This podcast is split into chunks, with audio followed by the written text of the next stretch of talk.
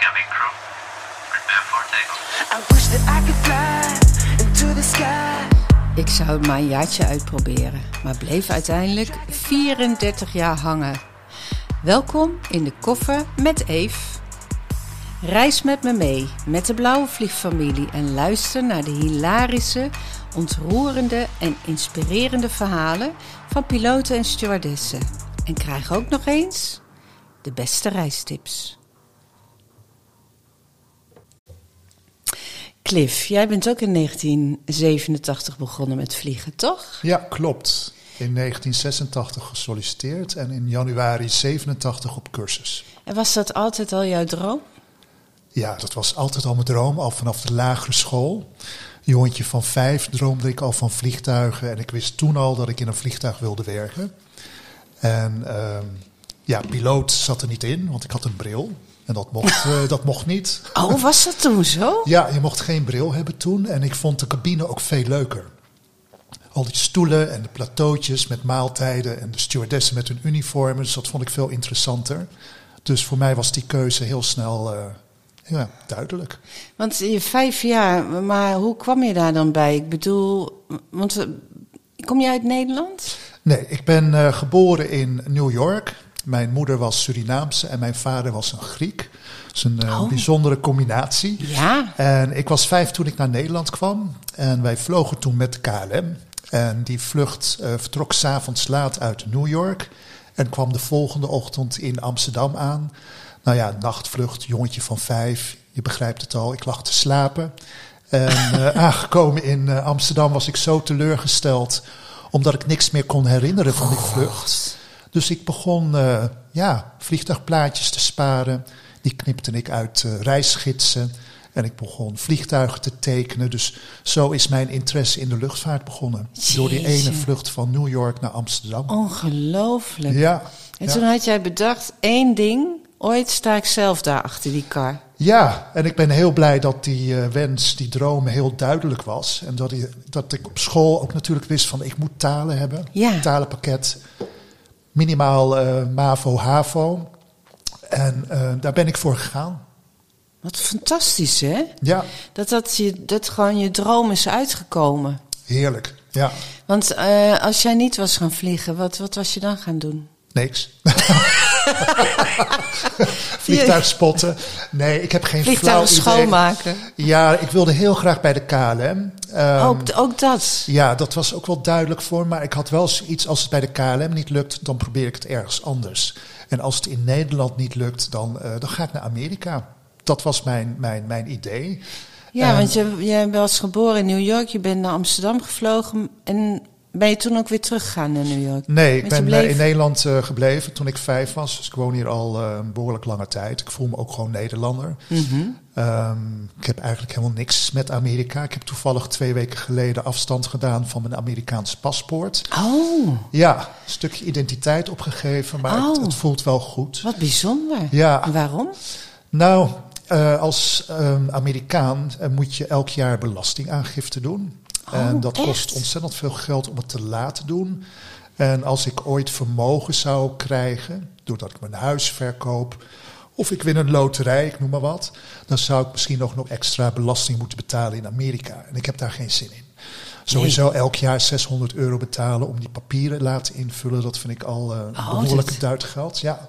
Oh, dat wist ik helemaal Ja, niet. ja, dus daar ben ik nu van af. Lekker. Heerlijk. Dus ja. eh, nou, je bent gewoon helemaal 100% eh, Nederlander. Ja, ja, ja. En KLM in hart en nieren.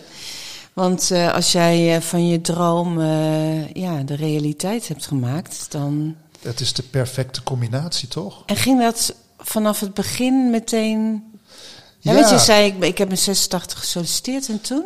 Ja, ik, was, eh, ik werd 21 op 20 juli, hè, mijn verjaardag. En dat was ook de dag dat ik mijn sollicitatiebrief op de bus deed. Oh ja? Ik heb er nog een eh, kusje opgegeven op de brief en ik heb hem toen in de brievenbus gegooid. En een, eh, nou ja, gehoopt dat dat alles goed zou gaan. En toen kreeg ik in oktober een uitnodiging voor de voorselectie op het hoofdkantoor in Amstelveen. Met mevrouw Van S. Ja. en meneer Van Binsbergen. Ja. En daar ben ik eh, positief doorheen gekomen. En een maand later de eindselectie. Dat was in november. En in januari zat ik eh, op cursus. Dus het is echt in drie maanden tijd is dat, eh, ja, is dat geregeld. Ja. Jeetje. Ja. En, en ja, dan ga je dat uniform ga je passen. Dat was natuurlijk echt voor jou. Uniform passen, ja, dat was heerlijk. De basiscursus vond ik geweldig. Want ja, ik zat zo dicht bij het vuur. En het ging toen bijna gebeuren dat ik mocht gaan vliegen. Oh. Dus ik, eh, ja, ik was echt in de, de zee van de hemel. En kan Ja. je ook nog herinneren die eerste vlucht? Dat jij als trainee de eerste vlucht ging doen? Ja, ik weet niet meer precies wat mijn eerste vlucht was. Ik weet, ik heb een vlucht gedaan op de 737. Volgens mij was dat naar Frankfurt met Rinus Roos als Oh, purser. Die was ja. toen Europa-purser. Dat was ook een hele speciale man, ja, hè? ja, ontzettend aardige, sympathieke vent. hij, hij deed toch ook opera zangen of zoiets? Oh, dat weet ik niet. Ja. ja, maar een hele creatieve man. Ja. En ik had een trainingsvlucht naar Tel Aviv met Alban van Wijngaarden. Nou, is ook een bekende, die was ook heel erg actief hè, binnen de KLM. Ja. En ehm, ja, dat was voor mij eh, geweldig, die eerste trainingsvlucht. Ja, en kan je, hoe was dat? Was je zenuwachtig? Of, eh, Ehm, ik was niet zenuwachtig, wel, wel een beetje natuurlijk, want alles is nieuw en je Ja. hoopt dat alles goed gaat. En eh, je krijgt nieuwe collega's die je niet kent. Maar ik was zo ontzettend blij en zo enthousiast dat ja, het enthousiasme zeg maar overheerste. Dus de, de zenuwen gingen snel naar de, naar de achtergrond. ja. En het feit dat ik daar in dat gangpad stond in mijn uniform en ik deed wat ik al die jaren heel graag wilde, ja, dat was, eh, dat was heel fijn. En had jij ook zo'n jongenskamer die helemaal volgeplakt was Ja. met... eh, Ja, je hoeft je zin niet eens af te maken. Ja, ja tot mijn achttiende hoor. Ehm, tot mijn achttiende kon je bijna geen behang zien van wat elkaar. hing daar dan? Alles wat met burgerluchtvaart te maken had. Posters, ansichtkaarten, vliegtuigmodellen hingen aan het plafond. Eh, ik maakte bouwpakketten, die verfde ik ook, die zette ik in elkaar. Dus allemaal verschillende modellen van eh, vliegtuigen. Maar ik spaarde ook eh, bagagelabels, ehm serviesgoed, flight safety kaarten, headrest covers. Nou ja, overal waar maar een logo of een naam van een luchtvaartmaatschappij op stond, dat, dat, dat spaarde ik. En hoe kwam je daar dan aan? Ik ging regelmatig naar de Leidse straat. Daar zaten destijds in de jaren 70 en 80 alle kantoren van luchtvaartmaatschappijen. Hmm.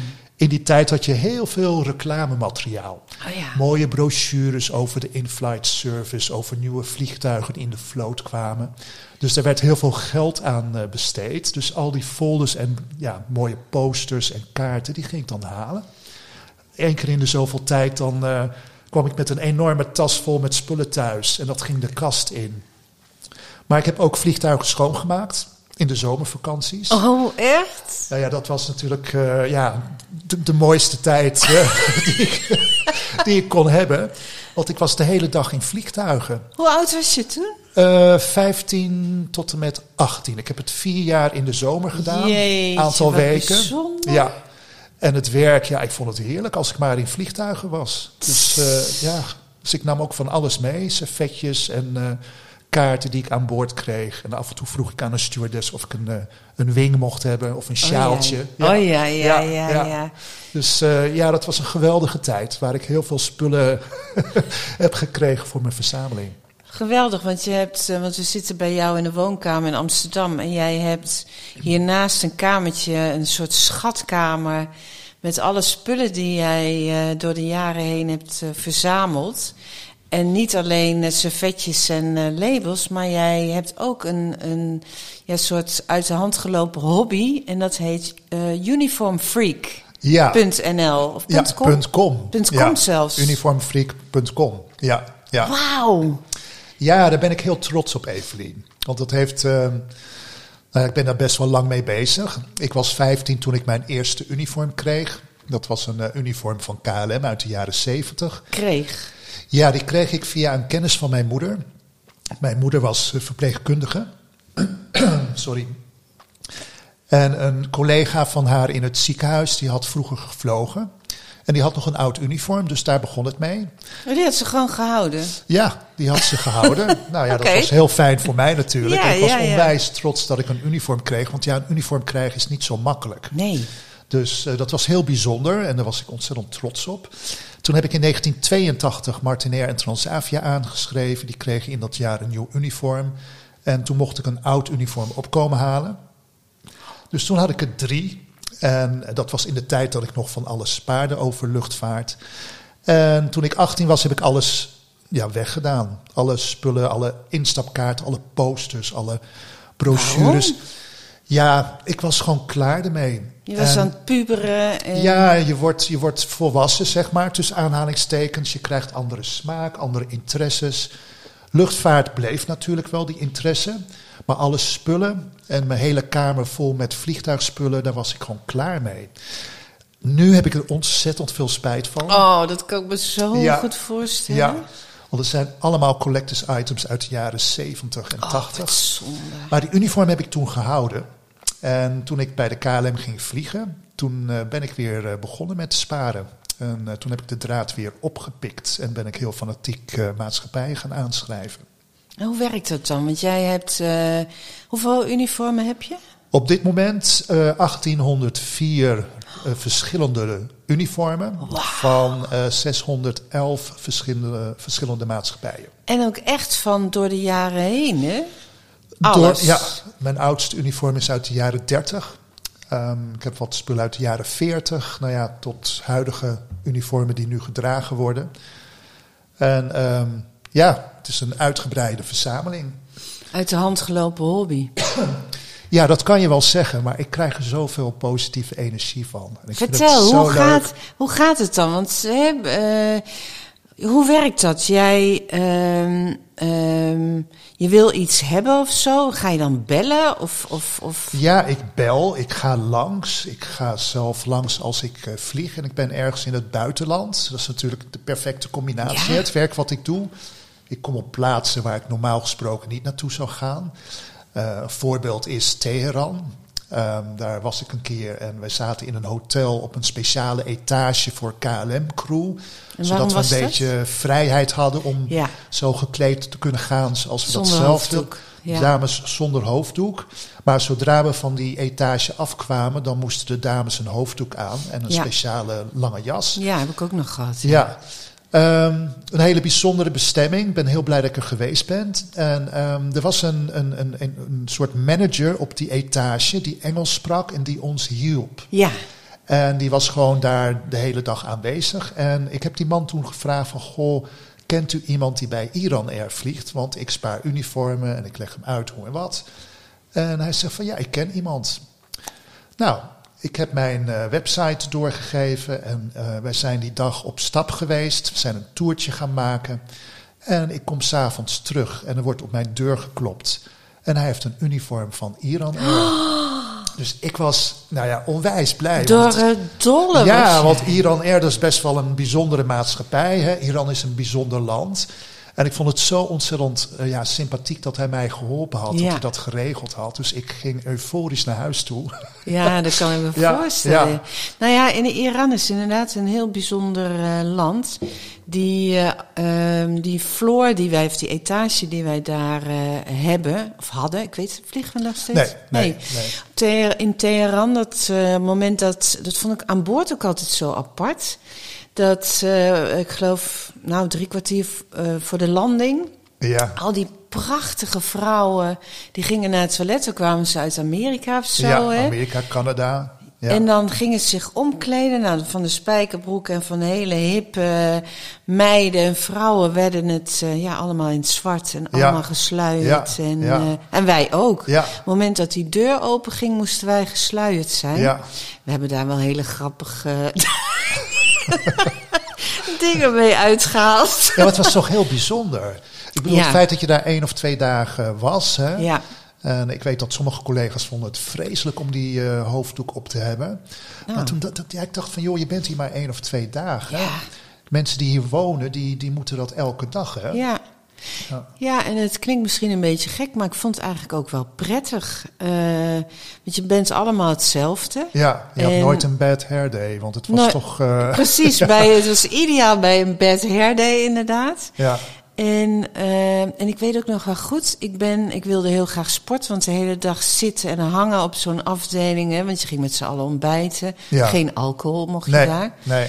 Ehm, dus en we hadden allemaal spelletjes. En ik weet ook nog wel, vroeger hadden we van die videobanden die we dan met z'n allen video's gingen kijken. Ja, ja. En, eh, maar ik wilde graag sporten. Dus ik had aan hetzelfde mannetje als jij gevraagd van... Goh, kan ik niet eh, hier ook sporten? Dat mocht alleen... een sp- er waren geloof ik één uur in de week of zo voor vrouwen in het hotel. En de rest was alleen maar voor mannen. En zo had ik het zo geregeld dat ik met een busje... naar eh, een vrouwensportschool ging. Oh. In de stad. Ja. Maar dan moest je inderdaad helemaal gesluit en kwam gesluit binnen. Nou, ik ging door de deur van de kleedkamer. Het was werkelijk een, een, een, alsof ik in een film terecht Oh, kwam. waar? Want daar zaten de meest prachtige vrouwen, allemaal plastisch, opgetut, zou ik Ja. maar zeggen. Ja. Opgepimpt. en eh, Dat zeg je heel netjes. Ja.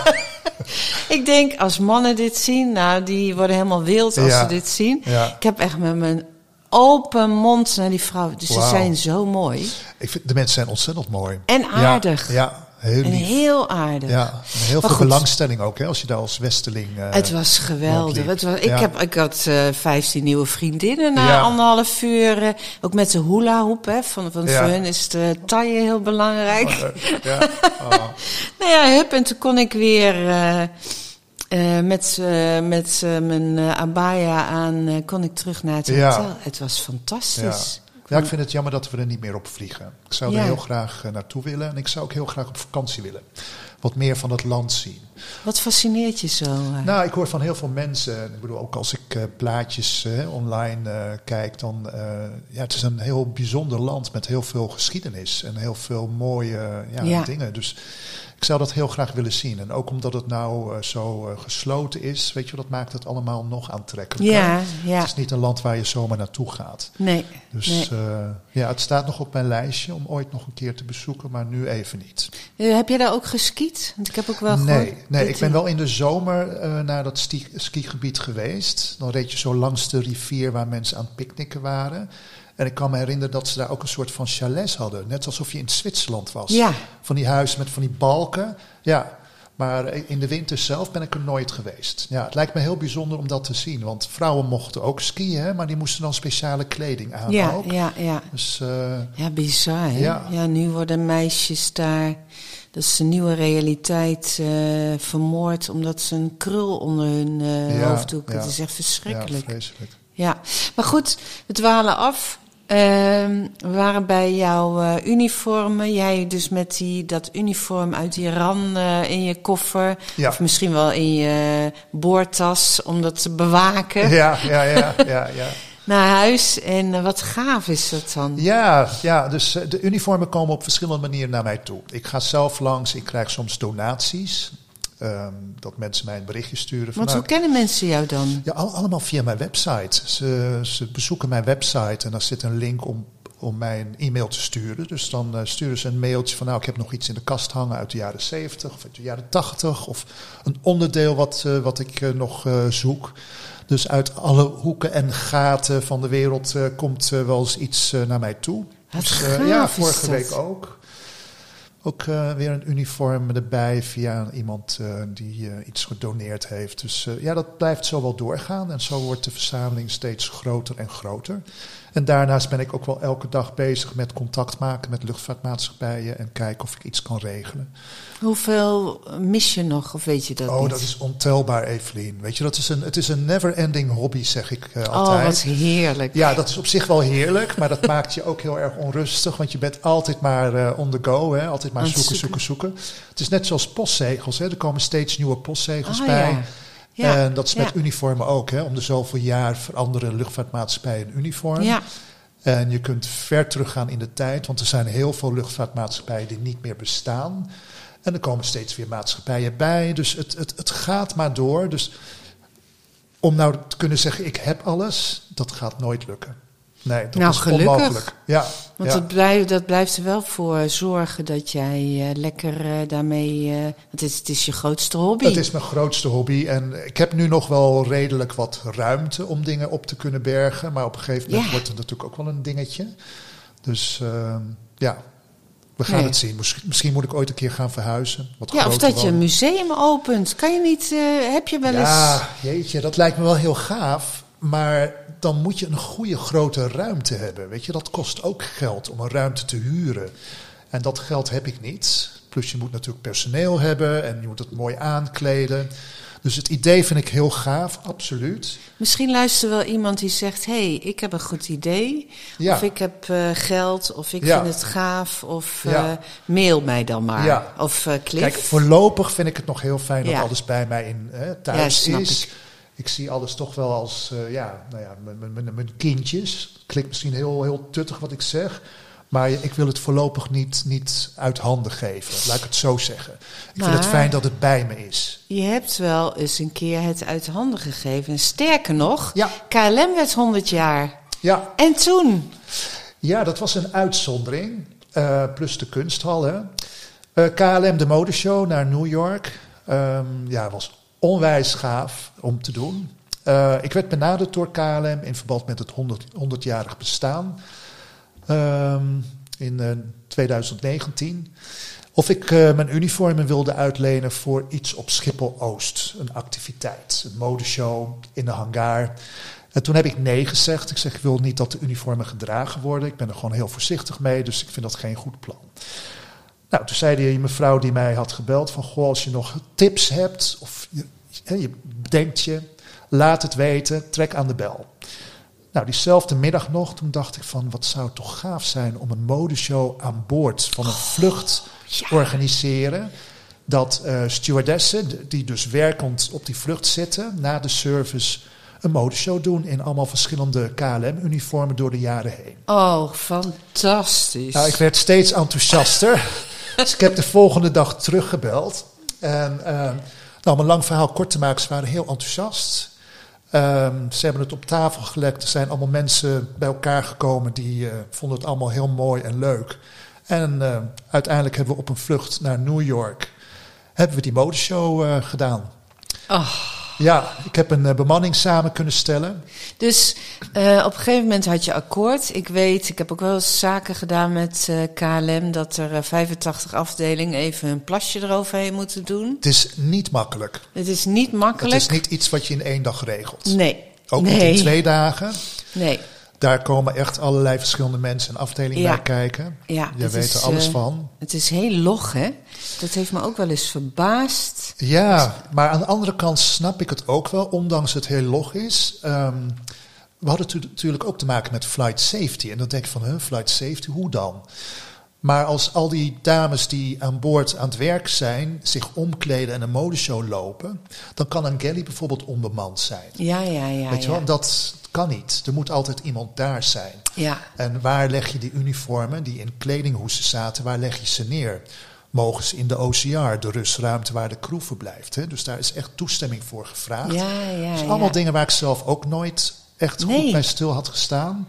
Maar wel goed om mee te maken, om te denken van hé, hey, Ja, ja, er komt veel meer bij kijken als je denkt van, nou, dat is gewoon een heel goed idee en Ja. let's do it. ja, maar jij hebt andere ervaringen? Nou ja, ik heb ook wel een, nou het was ook een bijzondere ervaring. Ehm, ik, eh, ik, eh, nou ja, ik ben een creatieve duizendpoot. Ik heb eh, heel veel concepten bedacht en eh, in de markt gezet. En op een gegeven moment, daar, werd ik, daar stond ik ook onbekend binnen de KLM. Want je had op een gegeven moment zo'n talenten en... Ik weet niet meer hoe, ze- hoe dat heette. Dan kon je aanmelden als je een talent Ja, had. klopt. Dat ze daar Ja. dan gebruik Ja. van konden maken of zoiets. En ehm, nou, er zit in mijn hoofd een ideeënfabriek, dus dat was best wel heel handig. En op een gegeven moment werd ik gebeld door de hoofdcabine. Of ik eh, van in paniek van eh, oh shit, over een maand is de kroning van Willem-Alexander. En we zijn helemaal vergeten iets. Ik, weet, ik zit meteen aan die lintjes te denken. Die had je, ja, Ja, ja. we zijn eh, helemaal vergeten. En oh jee, en een kroning en koninklijke. En ik zeg, jeetje, hoe kun je dat nou vergeten? Maar goed, dus wij, eh, ik eh, ben naar kantoor gegaan en ik had. Bij mij komt er dan, ja, dat is nou eenmaal de mazzel die ik heb. Er komen eh, tien verschillende ideeën pop-up. Die had ik uitgetekend. Ik had, ben gelijk naar eh, Jan de Vakman gegaan op de Albert Kuip. Heb Lintjes gekocht, ik ben ermee. Want ze wilden graag iets op het uniform. Iets zichtbaars voor op het uniform over de hele wereld.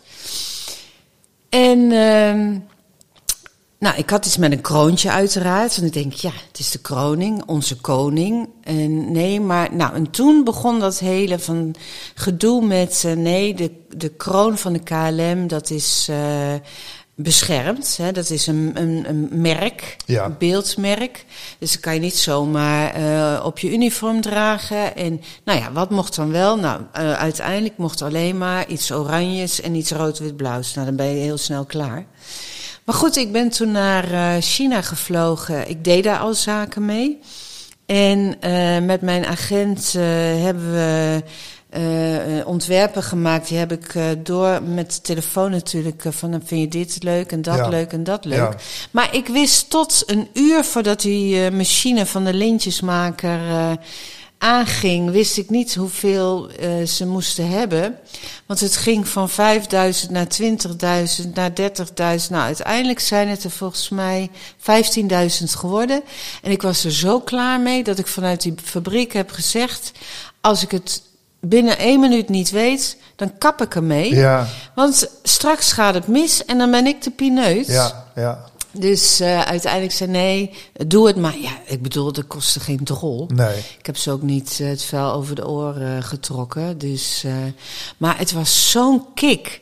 Toen ik samen met Matteo, mijn vriend, eh, in een hele grote doos met allemaal van die leuke speltjes met dat Ja, oranje Ik lintje. kan me nog. En jij deed ook nog meer, toch met oranje? Want ik weet nog oranje pumps en zo Ja, voor Hup Koningsdag, ik. Koninginnedag. Ja, Ja. ja. Ja, dat was de tijd van Hub. Ik heb ook een eh, collectie ontworpen voor de toppers. Ja, Die hadden toen eh, de Holland-editie, ben ik ook voor gevraagd. Dus ik snap wel wat jij zegt, als je op een gegeven moment ehm, bekend wordt, hè, als je iets speciaals doet Mhm. Ja. en je gaat daar de naam in maken. Dan, eh, eh, op het moment dat ze dat je dan nodig hebben, ja, dan is het natuurlijk heel logisch dat ze jou eh, Ja, vragen. Ja, en ik vind het heel leuk hoor, dat ze, je- dat ze, weten, eh, dat ze je weten te vinden. Superleuk. Ja, anders Ja. was, dit ook niet, eh, was dit niet gebeurd, die Nee, modeshow. nee. Want jij bent, eh, want jij zat te vertellen dat je zelf de crew mocht uitzoeken. Ja, En nou, dan moesten natuurlijk mooie vrouwen zijn, maar het moest ook passen. ja nou, nou, nou waren niet alle modellen maatje 34, 36, want de uniformen die ik heb, die zijn niet allemaal in die maat. Gelukkig. Er zitten één of twee zitten bij, dat zijn kleine maatjes, maar er zat ook een maat 40 tussen. Eh, dus daar moest ik eh, geschikte collega's voor vinden die eh, de uniformen aankonden. En ook een beetje mooie, mooie dames. Nou ja, die zijn er genoeg. Ja, Maar ehm, dat was snel geregeld. Dus de dames heb ik gevraagd en die waren natuurlijk allemaal enthousiast. En die zijn langsgekomen om het uniform te passen. Bij om jou toch, thuis? bij mij thuis. Om er toch zeker van te leuk. zijn dat alles goed zat. Hè. En ik moest ook een selectie maken van, nou ja, die krijgt dat uniform aan en die krijgt dat uniform aan. hoeveel uniforms waren er op dat moment eh, Ehm, die KLM had gehad? Nou ja, dus dat moet ik eventjes goed nadenken. Zes? Ehm, ja, iets meer. Maar ik heb ze niet allemaal hoor. Dus Oké. eh, ik heb even kijken. 1, 2, 3, een stuk of zes. Plus KLM Cityhopper, het NLM-uniform Oh, zat ja. er ook bij. Ja, dus eh, ja, het was een mooi geheel bij elkaar. Ja. En, eh, En met mooie make-up. En, Ja, eh, ik had, want ik had gevraagd of de dames zichzelf wilden opmaken thuis. En eh zorg dat het haar goed zat. Dus iedereen zat echt heel goed in de make-up. Haar perfect. Oh, wat heerlijk. Ja, het was echt, het was echt kicken. Want toen we op Schiphol liepen, echt iedereen zag, eh, zag er picobello uit. Want, eh, maar je ging wel in, we gingen wel, of jullie gingen wel standaard in het uniform aan Ja, boord. Ja, wij waren gewoon een werkende bemanning. Dus we hebben gewoon de vlucht naar New York gewerkt. Alleen tussen de service door hebben we die modeshow gedaan. Ja, de Dus, eerste eh, maaltijdservice volgens ja, mij, hè? eerste maaltijdservice hebben we gewoon gedaan. Na de maaltijdservice hebben de dames zich omgekleed in de galley. En toen heeft die modeshow zich plaatsgevonden. En eh, daarna ging eh, uniform weer uit, werkkleding aan en eh Kan je de tweede service gaan doen? tweede service doen. Ja, ja. Maar wat, hoe reageerden de passagiers? Want ja, normaal gesproken zitten die mensen daar echt of met het film te kijken of, of boeken te lezen of te werken. Ik hoe vond, ging dat? eh, nou, de mensen reageerden heel leuk. Kijk, natuurlijk niet iedereen. Hè. Als je 300 man aan boord hebt, dan is niet iedereen, alle 300 man, eh laaiend enthousiast. Er waren mensen die gewoon doorgingen met lezen. Maar de meeste mensen waren heel enthousiast, maakten foto's, waren aan het klappen, aan het juichen. En Wat werd het omgeroepen? het werd omgeroepen, er was een speciale tekst en ook wat informatie over de uniformen. Dus eh, mensen kregen ook wat meer informatie. En het leuke is, toen wij aankwamen in New York in de aankomsthal, toen waren er nog passagiers die daar stonden. En die begonnen ook allemaal weer te klappen en eh, te Oh, juichen toen wij leuk. langskwamen. Ja, het was echt, eh echt Dat heel waren nog eens tijden dat mensen voor de KLM gingen klappen. Ja, maar die tijden met klappen zo naar de landing ook. Hè, dat was, weet je dat nog? Op Suriname heb je dat nog wel. Paramaribo, dat mensen klappen. Oh, Ja, ja. heerlijk vind Ja. ik dat altijd. Ja. Ja. soms. Ik heb ook wel eens gehad dat we echt. Nou, toen dacht ik zelf ook dat we zouden neerstorten. Toen kwamen we in een orkaan terecht boven Hongkong. En eh, toen eh, gingen mensen ook heel hard. Nou, ik begon zelf ook te klappen. Ja. Van de zenuwen. nou, want ik had ook echt zoiets van. Nou, dit vind ik echt vakmanschap dat je Ja. überhaupt die kist eh, veilig op de grond Ja. eh, Ja. hebt gekregen. Dus eh, ja. Ja, hé, maar ehm, is het altijd koek en ei geweest binnen de KLM? Want je bent ook een tijdje eruit geweest. Ja, ik ben ehm, in 94, na bijna acht jaar vliegen, ben ik gestopt. Dat was heel raar, Evelien, want ik wilde altijd natuurlijk vliegen. En mijn jongensdroom was waargemaakt en ik ging stoppen. Dus dat voelde eigenlijk aan de ene kant heel goed, want het was mijn eigen beslissing om te stoppen. En het is ook heel goed voor me geweest dat ik er even uitging, want ik zat niet helemaal lekker in mijn vel. En ik moest even een aantal dingen goed voor mezelf uitvogelen, zeg maar, op een rijtje zetten.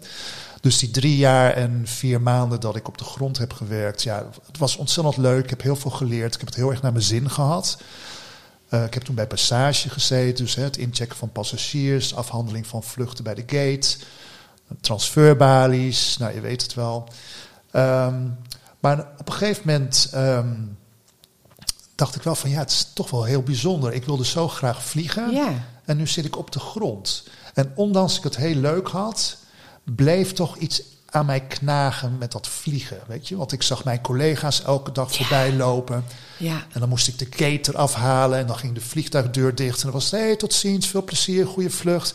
Ja, zij gingen lekker naar Bangkok en naar New York. Hè? Een van mijn, Ja. mijn favoriete bestemmingen. Ja, ja. En ik ging s'avonds weer naar huis. Maar nogmaals, ik heb het onwijs leuk gehad daar. Eh, veel geleerd. Ik had het absoluut niet willen missen. Maar op een gegeven moment eh, heb ik toch weer gesolliciteerd. Ehm, het eerste moment dat ik wilde solliciteren was er een, eh, was er een stop. Werd er niemand meer aangenomen. En het jaar daarna heb ik weer gesolliciteerd en werd ik gelukkig weer eh, aangenomen, mocht ik terugkomen. En toen moest je weer van vooraf aan beginnen. Ja, maar dat vond ik absoluut niet erg. Want als je iets graag wil, dan maakt het niet uit. Dus ik moest de hele basiscursus weer opnieuw doen. Er waren een aantal dingen wel veranderd. Hè, want een Radio Survival Beacon is nu een eh, ELT.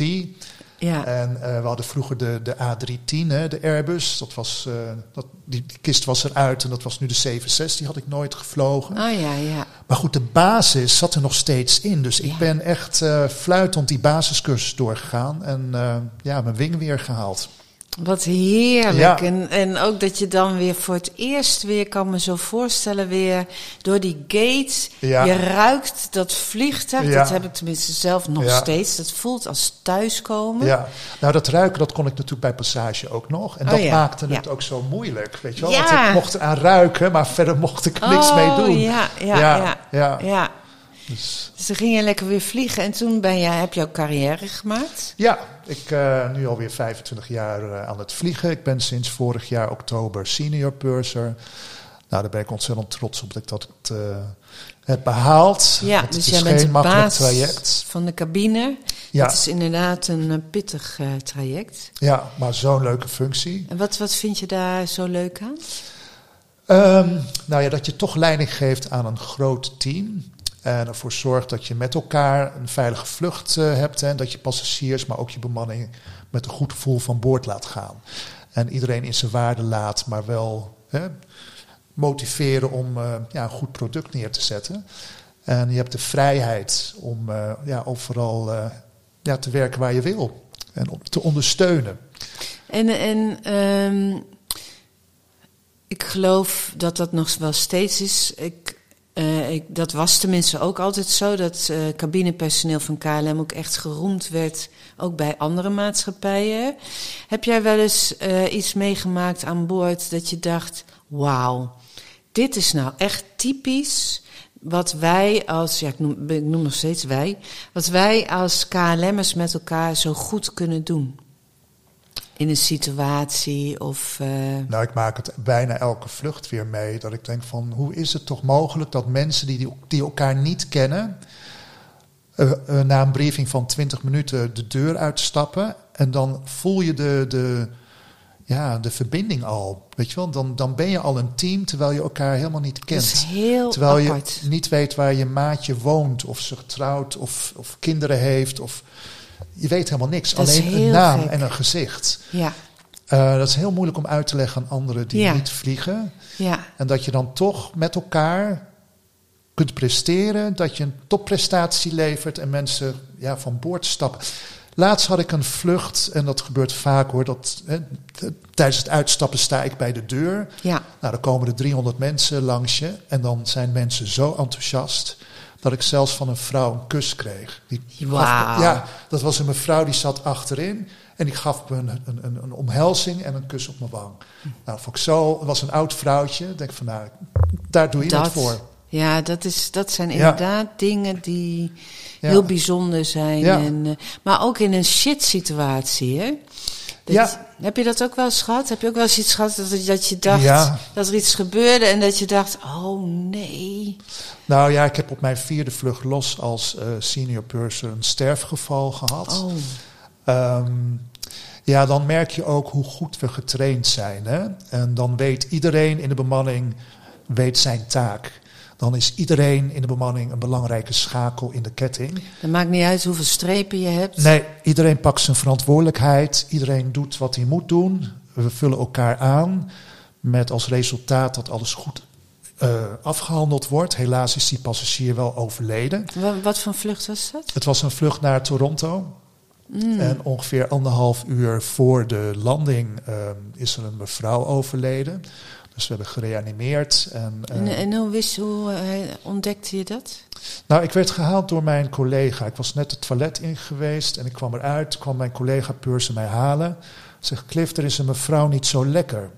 Dus wij, ik loop met haar mee eh, naar de economy class. Halverwege bij het toiletblok, over wing. Ligt een mevrouw op de grond. Inmiddels waren er twee mensen bij haar. Dat waren twee paramedics. Die toevallig daar in de buurt zaten en die zagen het. En eh, ook volgens hen was het zo dat ze gewoon eventjes flauw was. Weet je wel, dat Hmm. heb je regelmatig dat mensen Ja. even niet zo lekker zijn. Even misschien een beetje flauw vallen. En Van even benen omhoog, doekje, Ja. koud doekje in de nek en dan zijn ze weer bij. Dus dat dachten we bij deze mevrouw ook. Paracetamolletje gehaald. Maar op een gegeven moment begon die mevrouw raar te rollen en met haar handen op haar buik. Nou, op een gegeven moment eh, haalde AED maar. Want de bloeddruk eh, ging ook eh, snel naar achter. En ehm, nou ja, ze is uiteindelijk overleden. En waarschijnlijk toch iets aneurysma. Hmm. Want de AED aangesloten. Nou ja, gaf geen shock advice. Dus ja, het was gewoon te laat. Ja, heftig is dat, hè? Ja, ja. Dan, dan moet je die ABC-procedure opstarten. hè? Dat Ja, eh, cockpit, eh, cockpit informeren, dat is dan jouw taak. ja. En eh één gaat reanimeren, de ander die is de buddy die alles eromheen regelt. Ja. En dat is dan vaak, ik heb het ook wel eens meegemaakt, een geoliede machine. Ja, en eh, we hadden wel eh, iets meer dan een ABC eh, bij deze. Er was ook een, een DE, zeg maar. Oh ja? Ja, het was, het was, het, het was, het, het, het was heel druk. Ja, het was ook heel lastig om de AED te, te, te horen. Omdat eh, het vliegtuig maakt lawaai. Dus moest echt die AED goed bij, bij, je Oh, ja, bij je oor ja. houden. Maar uiteindelijk heeft iedereen gedaan wat hij of zij moest doen. En waren we echt een hecht team. En Ja, dat dat is- heeft mij ook wel, eh, toen ik in de bus de crew aansprak, we- weet je, dat ik ontzettend trots was op iedereen, werd ik ook wel even emotioneel. Ik dacht van, het is zo mooi hè, hoe, hoe ja, iedereen weet wat hij moet doen en dat je de kracht van iedereen ziet. Ja, en dat hij het ook goed doet. Ja. En eh, er wordt wel eens eh, gevloekt op de flight safety training die we twee keer per jaar moeten doen.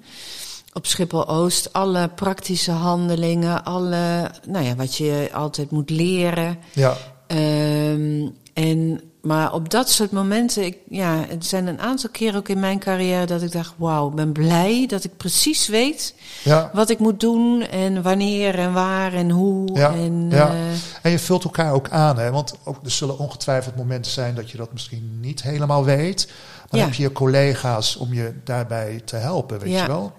Ik bedoel, je kan niet altijd alles 100% weten. nee. En dingen die je niet elke dag ehm, nodig hebt, weet je wel, die, die Nee, kennis... maar dat is het inderdaad. hè, dat je elkaar eh, daarin ondersteunt. Ja. En de cockpit doet hun ding. En, want Ja. hoe, was, hoe reageerden de, de passagiers? Dus Toronto is vaak een hartstikke volle... We zaten hartstikke vol en eh, deze mevrouw lag op de grond echt twee, drie meter van andere passagiers vandaan. dat Dus is ook zoiets. Ja, ik heb gevraagd aan twee collega's eh, of ze een deken wilden pakken en een soort van scherm maken. Zodat de passagiers niet konden zien wat we met die mevrouw allemaal Oh, deden. Ja. En eh, dat ze een beetje privacy hadden. Maar passagiers waren heel rustig, waren heel erg ehm, nou ja, begripvol. Ja, ja. En eh, ook tijdens het uitstappen, weet je wel, zeiden mensen ook van, nou you did a great job. En eh, ja, sorry for what happened. En nou ja, allemaal mooie, lieve dingen naar de crew. Dus dat was eh, heel fijn.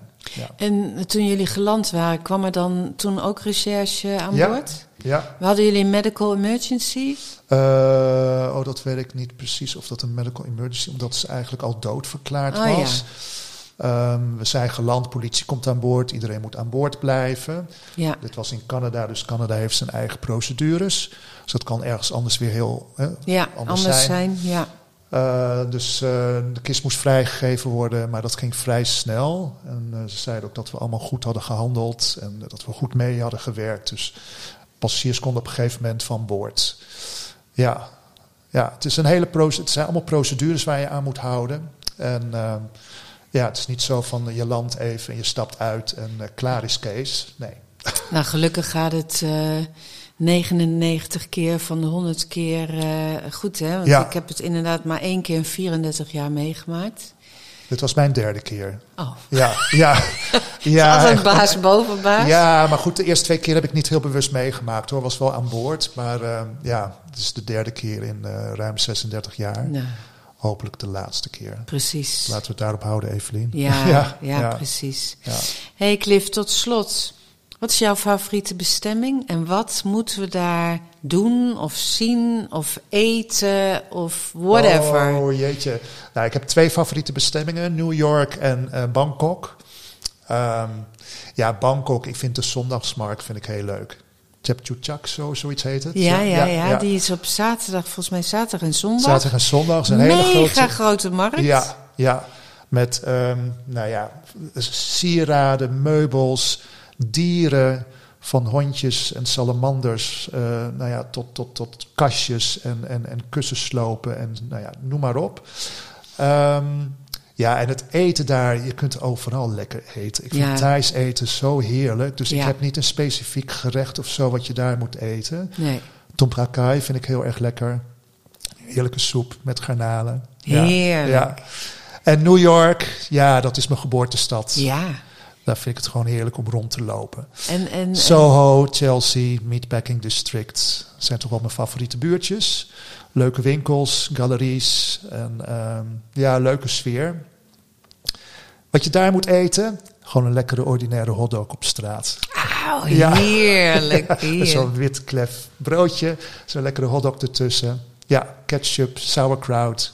Ah, Ja, ik heb er nu al zin in. ja, Heerlijk. Ja. Hey, eh, dankjewel. graag gedaan. en jij ook heel bedankt. veel fijne, leuke, gezellige vluchten toegewenst. Gaat vast lukken. Dankjewel.